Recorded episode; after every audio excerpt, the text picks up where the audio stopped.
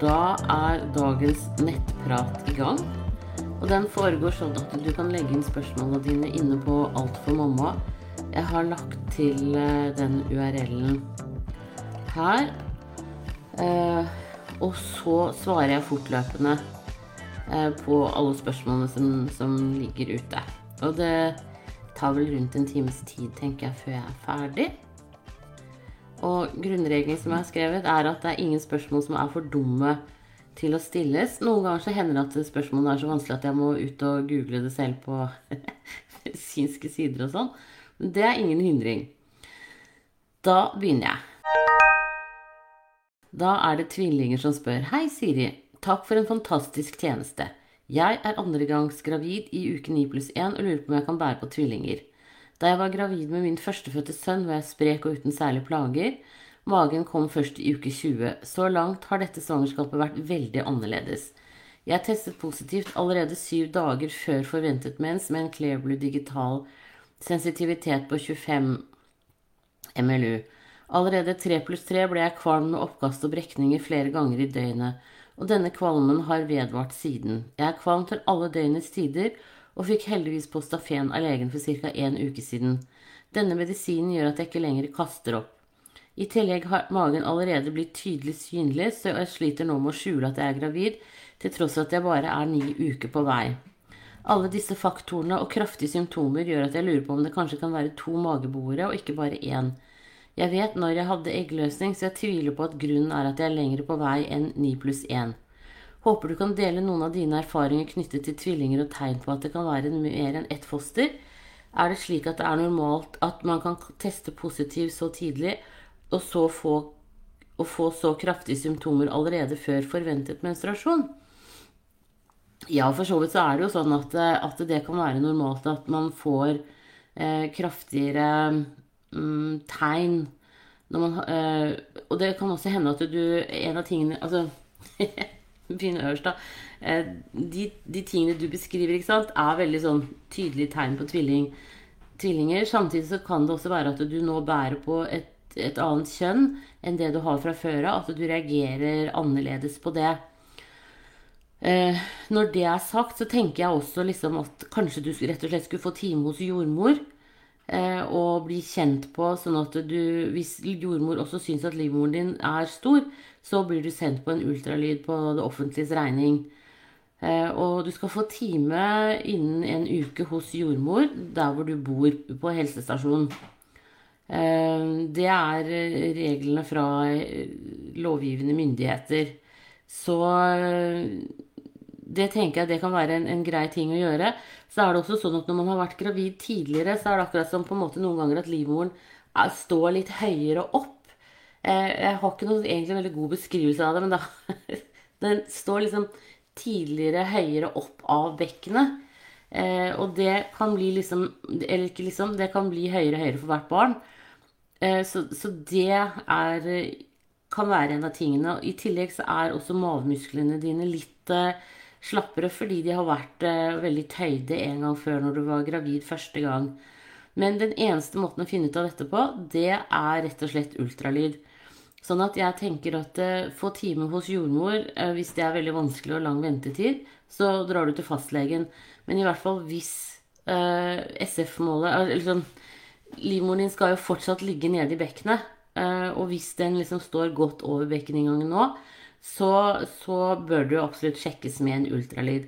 Så på mandag, ring og se om du får en jordmortime. Får du ikke det neste uke, så ringer du til fastlegen, og så får du time der.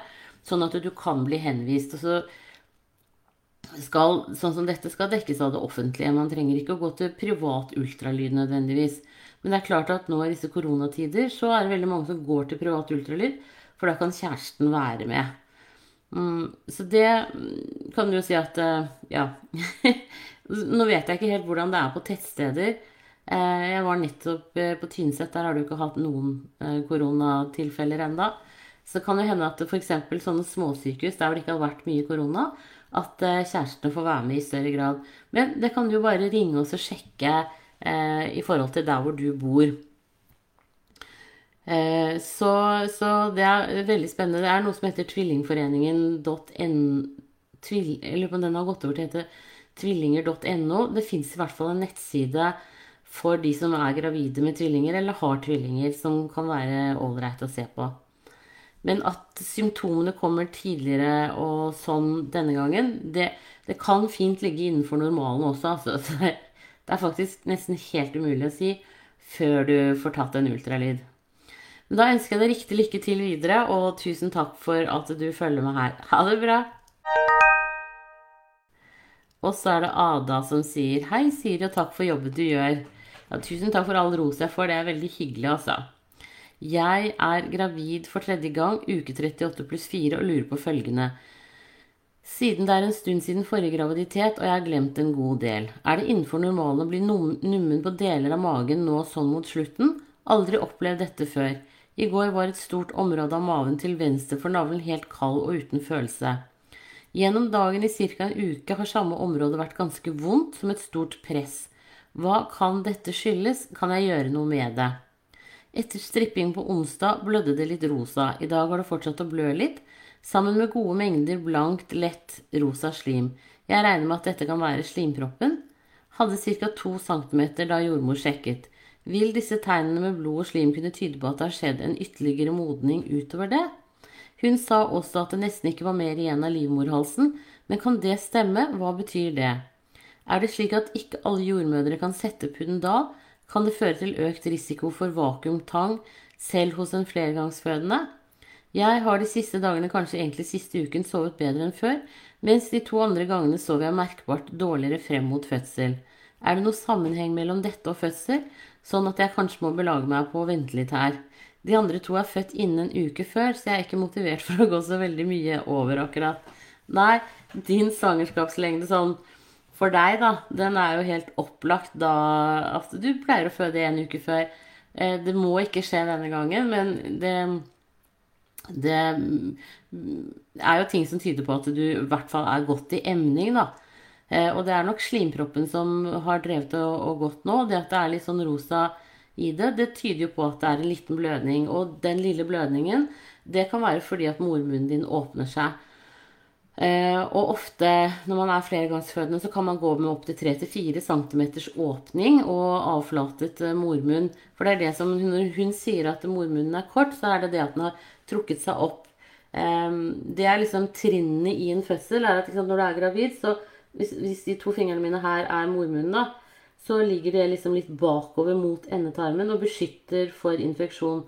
Når du da kommer til um, nærmer deg termin, og nærmer deg fødsel, mener jeg, så, så, så, retter den, si, så, retter den, seg ut. Og så står den liksom hvis, Den hånden min her, det er skjedebunnen.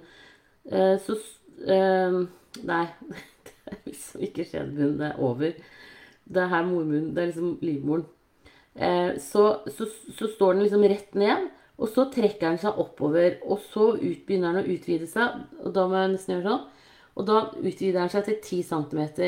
Sånn at det er en prosess hvor mormunnen først trekker seg opp, så tynner seg ut, og så kommer babyen etter hvert. Når det har blitt 10 cm åpning. Så derfor så har du sikkert en del kynner og sånn også nå, som gjør at, eh, at eh, den mormunnen din blir påvirket. Så, så, det er jo veldig positivt. Så det er på en måte det som avgjør når fødselen er i gang, det er eh, at riene kommer og blir regelmessige og får en, et visst trøkk på seg. Men det kjenner du helt sikkert igjen fra de, de to foregående gangene. Eh, det som du snakker om, om med en sånn nummenhet, da, det er nok at nervene på maven kommer litt i klem. For at, sant, nå, har, man har nerver ute i huden, og nå strekkes de veldig. Og da, da, gjør det at de på en måte blir sånn numne, sånn som du beskriver. Og det kan være en sånn følelse sånn som når benet sovner hvis man har sittet på det for lenge. Eh, litt den greia der. Det er ikke noe farlig. Eh, og det kommer til å gå over relativt raskt, i, løpet av noen, i hvert fall i løpet av noen dager etter at babyen er født. For da slutter du på en måte å ha det presset. Så eh, her er det bare å, å Når du begynner å få eh, regelmessige rier, Eh, og rier kjenner du igjen på at de på en måte de drar oppe fra under nyrene, og så drar de liksom ordentlig nedover. Eh, og sånn, så, så, ringer du til fødeavdeling der hvor du skal føde, og så hører du med dem hva de sier. Eh, og det er klart at eh, du er tredjegangsfødende, og hvis du fødte eh, relativt eh, greit de to andre gangene, så gjør du det denne gangen også. Er, du spør om Puddendal. Det er ikke alle jordmødrene som kan sette det. Eh, og Puddendal er vel i liten grad, i motsetning til altså En epiduralbedøvelse øker sjansen for tang og vakuum mye mer enn det en Puddendal gjør. Fordi at epiduralen bedøver høyere oppe, mens puddendalen bare bedøver akkurat eh, bekkenbunnen når babyens Sånn at du ikke kjenner så godt når babyens hode kommer ut. Så eh, her er det bare å, å, lage seg til for fødsel.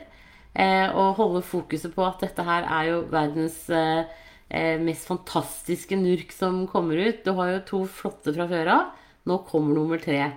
Eh, og det blir veldig hyggelig. Da ønsker jeg deg riktig lykke til videre, og tusen takk for at du følger meg her. Ha det bra!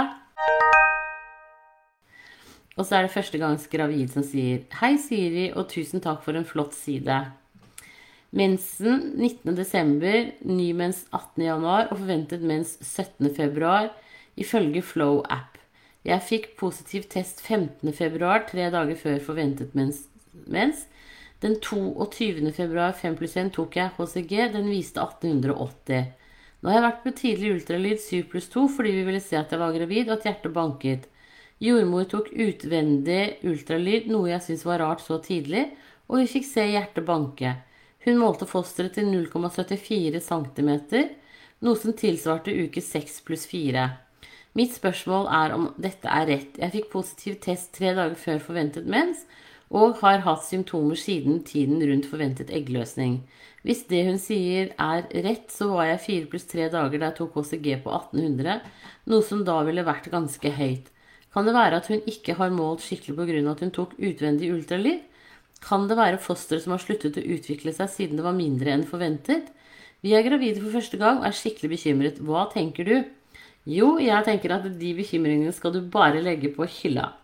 Eh, det er den ultralyden mellom uke 17 og 19 som er den som på en måte ofte gir de viktigste målene, for da er fostrene likest i utviklingen sin. Så eh, disse tidlige ultralydene, eh, og når de på en måte sier sånn eller slik, det, det er så lite, ikke sant? 0,7 cm, det er mindre enn en, altså det er mindre enn en centimeter, det. Det er liksom Det er ikke mye. Og der er det lett også å gjøre noen feile mål. Og de fleste undersøkelser som er gjort til nå, så vidt jeg vet, sier at mensterminen, kvinnens egen termin, er som oftest riktigere enn ultralydterminen. Så jeg tenker at bare hold fast ved det du tenker om terminen din. Og så er det jo Det er jo teknikkens eh, glede og forbannelse dette her at det er så veldig, veldig fine mål. Um, og jeg er helt enig med deg at det er en utvendig ultralyd, men jeg har kanskje også forkludra det målet litt. Jeg, kan ikke nok om det. Uh, så jeg tenker at det å drive og måle og herje på såpass tidlig, det er egentlig litt meningsløst. Det viktige er å se at, at hjertet slår, og det fikk dere, og det tenker jeg det er bra. Glem alt det andre. Ikke viktig med disse målene nå i det hele tatt. Det samme med symfyse fundus-målene etter hvert. Det, det, det, de viser, er på en måte at babyen vokser og følger sin egen kurve. Det sier egentlig kanskje ikke så fullt så mye om vekt.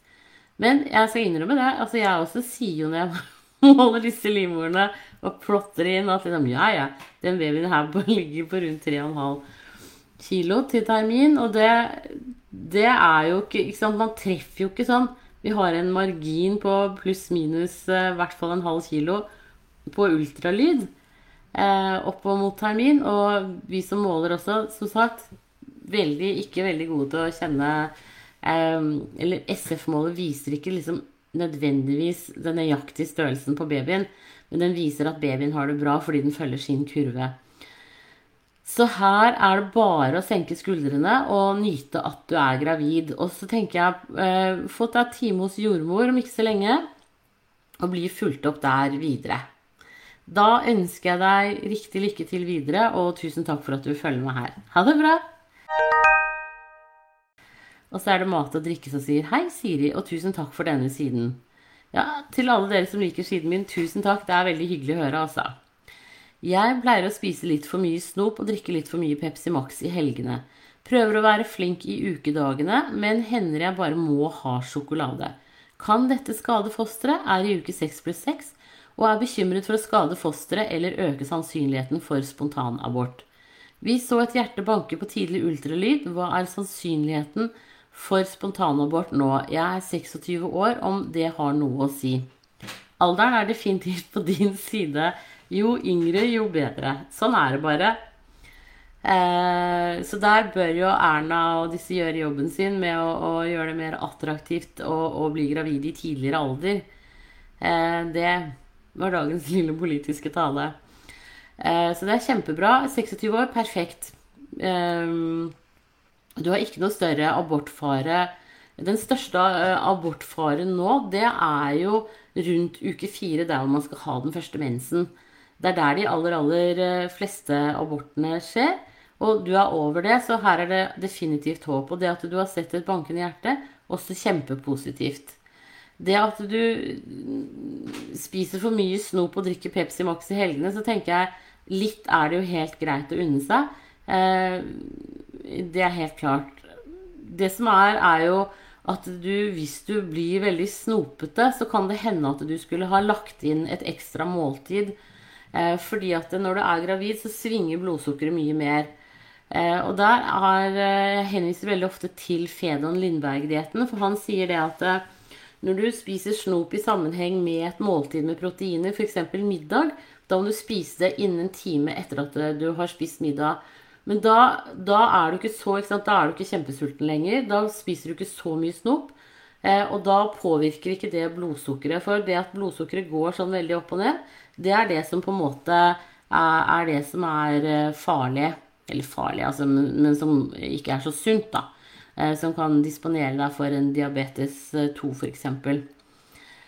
Men litt, litt, snop, det tenker jeg er helt greit. Du skal, når det gjelder Pepsi Max, så inneholder jo det koffein, og du skal helst ikke overstige det som tilsvarer tre kopper kaffe om dagen. Så det kan du jo eh, bare lese deg frem til på innholdet på flaskene og størrelse på glass og, og, sånn. Men ellers så tenker jeg liksom det at du er flink i ukedagene, helt supert. Uh, er du veldig veldig snopete, så kan det hende at du skal spise litt sånn uh, krum uh, Det er jo ikke et vitamin, men et mineral. Um, for det kan redusere søtsuget. Men også det å spise da flere måltider. Hvis du f.eks. spiser fire måltider om dagen, kanskje du skal ta sånn, et sånt mellommåltid som gjør at du ikke liksom går helt i kjelleren på blodsukkeret og bare blir veldig fysen på snop. Så se litt på hva du spiser, og så på Helsedirektoratet sine sider eh, så fins det en del god informasjon om type mat og sånn. Ehm, men jeg tenker at eh, når man er gravid Du skal ikke liksom snu helt opp ned på livet ditt heller. Ehm, selvfølgelig så skal man jo ikke drive med alkohol og, og stoff og sånne ting. Men, men, men det, det burde man jo stoff burde man ikke drive med ellers, ellers heller. Men, men, på en måte lev livet litt normalt, og så prøv å kjenne litt etter på kroppen hvordan det er. Det tenker jeg er liksom noe av det viktigste. Vi er utstyrt med en god del instinkter og, og, og sånn, selv om vi ikke tror det. Så, så tren, liksom, tren deg på dette nå i graviditeten, og så kjenn etter Eh, og, og, kanskje liksom det er andre ting du kunne Altså at du egentlig er litt sulten, da. Og da griper man lett til litt eh, sjokolade og snop og sånn. Eh, så eh, kjenn etter på kroppen. Det kommer du til å ha god bruk for også eh, etter hvert eh, når du får baby. det er også liksom Hva skal jeg si At man, man på en måte tenker at Altså stol på det at du har instinkter, for det har du. Da ønsker jeg deg riktig lykke til videre, og tusen takk for at du følger meg her. Ha det bra! Og så er det symptomer som sier hei. Jeg har fra eggløsning til nå uke åtte følt mye murringer, dragninger, stikninger og en følelse av at jeg får mensen hver dag. Det er ikke konstant, men kommer og går i løpet av dagen. Er dette normalt? eller et tegn på at noe er gale. Sliter i tillegg med treg mage, hvor jeg sjelden får gjort nummer to og får veldig vondt i hele maven. Prøver å drikke mye, gå turer og drikke Biola. Ingenting fungerer. Har du noen tips? Ja, det har jeg, vet du. Eh, det at du har mye murringer og sånn, har nok en sammenheng med at du har treg mage også. I tillegg til at mange har murringer de første tolv ukene. Og murringer kan komme litt fordi at eh, det er trangt nede i bekkenet. Eh, og livmoren på en måte dulter borti eh, ting liksom inni bekkenet der. Og så eh, er det også sånn at når du har treg mage, så er eh, tarmene og urinveiene og livmorens muskulatur den er på en måte en del av det ikke viljestyrte muskulaturen vår. Eh, og den påvirker hverandre. Så derfor, hvis man er veldig treg i magen, så kan man også få mer murringer. Eh, det som du kan prøve i tillegg, er magnesium. Ta maksdoser med magnesium. Og når lagrene i kroppen din er fylt opp av det, så vil resten gå ut i avføringen. Det kan gjøre avføringen mykere. Svisker, eh, blåbær, eh, drikk blåbærsaft gjerne. Linfrø som du Da må du passe på å drikke nok. Altså sånn at du, at du bør drikke rundt tre liter om dagen. Og kli grovt brød. Også sånne veldig bra ting. Knekkebrød og sånn. Eh, men da må du, når du øker fiberinnholdet, så må du også øke væskeinntaket. Sånn sett så er jo appelsiner f.eks. gull, da. Eh, for du får både masse C-vitaminer, eh, du får fiber, og du får væske. Så et par appelsiner om dagen, hvis du liker det, er også Og nå er jo de på det beste nå i mars utover. Så, så, kan det godt hende at at det, kan være noe for deg, tenker jeg. Så prøv de tingene der. Det å gå en liten tur hver dag også kan være veldig bra. Um, så da ønsker jeg deg håper at noen av disse tingene her hjelper. Da ønsker jeg deg riktig lykke til videre, og tusen takk for at du følger meg her. Ha det bra. Snart termin. Hei, jeg er 39 pluss 3 uker i dag. Det er altså en uke til termin. Forrige gang jeg var gravid, hadde jeg planlagt keisersnitt på termindato fordi babyen lå i seteleie. Da hadde jeg 0 cm åpning og hadde ikke merket noen tegn til fødsel på forhånd. Jordmor mente derfor at jeg sannsynligvis kom til å gå over termin denne gangen også. Men denne gangen ligger baby med hodet ned. Hodet har kommet langt ned i bekkenet, men ikke festet seg. Jeg kjenner mye nedpress og har vonde stikninger i underlivet når jeg går.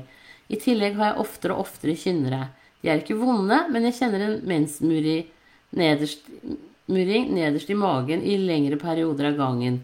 Kan dette være et tegn på at fødsel nærmer seg? Jeg skal på tidlig overtidskontroll på termindato siden jeg nærmer meg 40 år. Jeg begynner å bli ganske sliten nå. Lurer på om man kan sette i gang fødsel selv om alt er fint med baby til termin. Kan man sette i gang modning med ballong selv om man har tatt keisersnitt før? Tusen takk for svar. Ja, nå syns jeg det høres ut som at eh, det er ganske Du har liksom murringer og, og de tingene nedpress, og det er jo veldig bra. Eh, de stikningene du får når du går, det er fordi at babyens hode klinker innom eh, noen av de nervene som vever seg inn og ut av bekkenet ditt. Det er ikke farlig, men det kan være veldig ubehagelig, rett og slett. Så jeg tenker at du nok er nærmer deg fødsel med stormskritt. Så, så, det, så, det, er veldig bra. Eh, det er litt sånn varierende hvordan de setter i gang eh, fødselen. Det kommer an på om du har åpning eller ikke. Eh, de aller fleste flergangsfødende har en åpning når de kommer på sjekk. Men det, det, er riene som på en måte er de avgjørende. Og det er der dette med nippelstimulering kan komme godt inn. Altså, det kan du jo godt prøve nå i helgen. At du gnir på, forsiktig på brystvorten din med en olje som ikke inneholder noe parfyme, for det tørker ut. F.eks. en god matolje, olivenolje og sånne ting kan være veldig bra. Og så gnir du til du får en ri, og så slutter du. Og så venter du til den ria har gitt seg, og så gjentar du. Og dette her skal du ikke gjenta mer enn en time morgen og kveld. Men for mange så kan det være liksom akkurat sparket som får dem over i fødsel. Så, så det tenker jeg det er en av, en av de litt mer sånn forsiktige måtene å prøve å starte en fødsel på. da. Jeg tenker, Før så drev man jo med klystere, lakserolje og masse sånn. Det er ganske slitsomt, altså. Um, nippelstimulering har nok en, en, mye bedre og raskere effekt. Og da frigjør du oksytocin, som er det hormonet som gir deg rier. Så, så det kan du godt eh, prøve, tenker jeg. Og så får vi bare krysse fingrene for at du starter. Du får tenke på konse på hvordan, hvordan ser denne babyen ut. Eh, hva slags personlighet kommer den til å ha?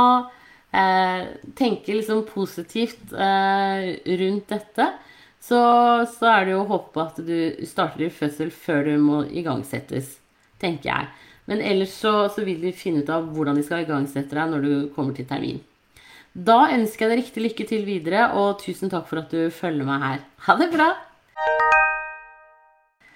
Og så er det Marie som sier har fått påvist endometriose ved lapp i januar for å fjerne en syste. De tok tilfeldig prøve da de oppdaget endometriose, men har ikke sjekket omfanget.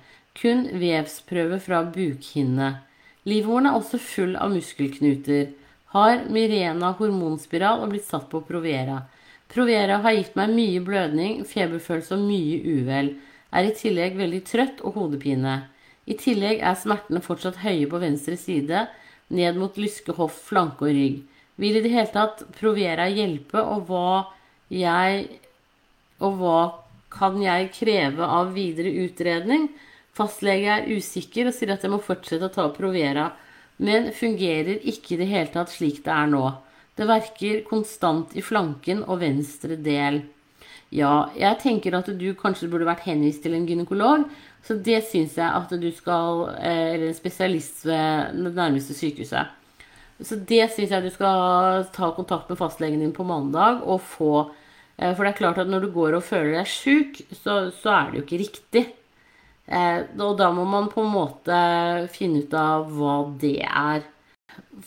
For det med feber og sånn, det kan jo også tyde på at du kan ha en infeksjon. Eh, og, sånn at det Det er jo ikke noe lurt. Så dra til fastlegen. Få fastlegen til å henvise deg til en uh, gynekolog. Eh, eventuelt også få tatt uh, en status på deg om det er en infeksjon du har nå. Eh, da er det sånn senkning og CRP som viser dette. Så det syns jeg absolutt at du skal gjøre på mandag, altså. Eh, for man skal ikke gå med store smerter i ja, hvor som helst i kroppen eh, uten å vite hva det kommer av. Men særlig underlivet eh, tenker jeg er, er viktig å, ta rede på her. Så er det jo også etter hvert noen sånne endometriose, altså sånn vulvaklinikker rundt omkring på de store sykehusene. Og også noen gynekologer som har spesialisert seg på det. Så jeg tenker at eh, på sykehuset så er det selvfølgelig gratis, mens på, hos private så koster det litt penger. Eh, men det må du se på hva som passer for deg. Men akkurat nå så syns jeg du skal få tilsyn av en eh, For det første finne ut om du har en infeksjon, men også bli henvist til gynekolog. Eh, det, det, har du definitivt lov til å kreve, for det, det blir dårlig behandling ellers av deg. Da ønsker jeg deg riktig lykke til videre, og tusen takk for at du følger meg her. Ha det bra! Og så er det Ella som sier hei. Jeg er gravid i uke 36 og har til og fra i tredje trimester vært plaget av tungpust på natten. Jeg har løst det ved å ligge på siden med hevet hodeleie. Men de siste dagene syns jeg det kommer også da. De siste nettene har jeg våknet av at jeg snapper, kaster etter pusten mange ganger ved innsovning og har flere ganger også opp, våknet opp fra søvnen av at jeg føler meg uvel. Jeg syns det har økt på, men samtidig har det tidligere også vært veldig plagsomt, for så å forsvinne igjen. Lungene føles presset oppover og vanskelig å fylle tilstrekkelig. Straks jeg legger meg ned for å hvile, uavhengig av hvilken side jeg velger. Jeg sover aldri på ryggen. Jeg har virkelig vanskelig med å finne en soveposisjon som gjør at jeg ikke merker dette, og jeg er også bekymret for at barnet skal ta skade av dette. Eh, kan man få vena cava-syndrom også i sideleie? Er det det jeg opplever, eller skyldes det dette fysisk trykk mot lungene fra livmoren? Det kjennes veldig høyt oppe nå. Jeg merker spark godt opp mot mellomgulvet, og jeg har samtidig fått langt mer halsbrann enn tidligere. Følelsen av å ikke få luft avtar straks jeg setter meg opp på sengekanten, og det er ikke vondt, kun veldig ubehagelig og veldig skrem samtidig skremmende.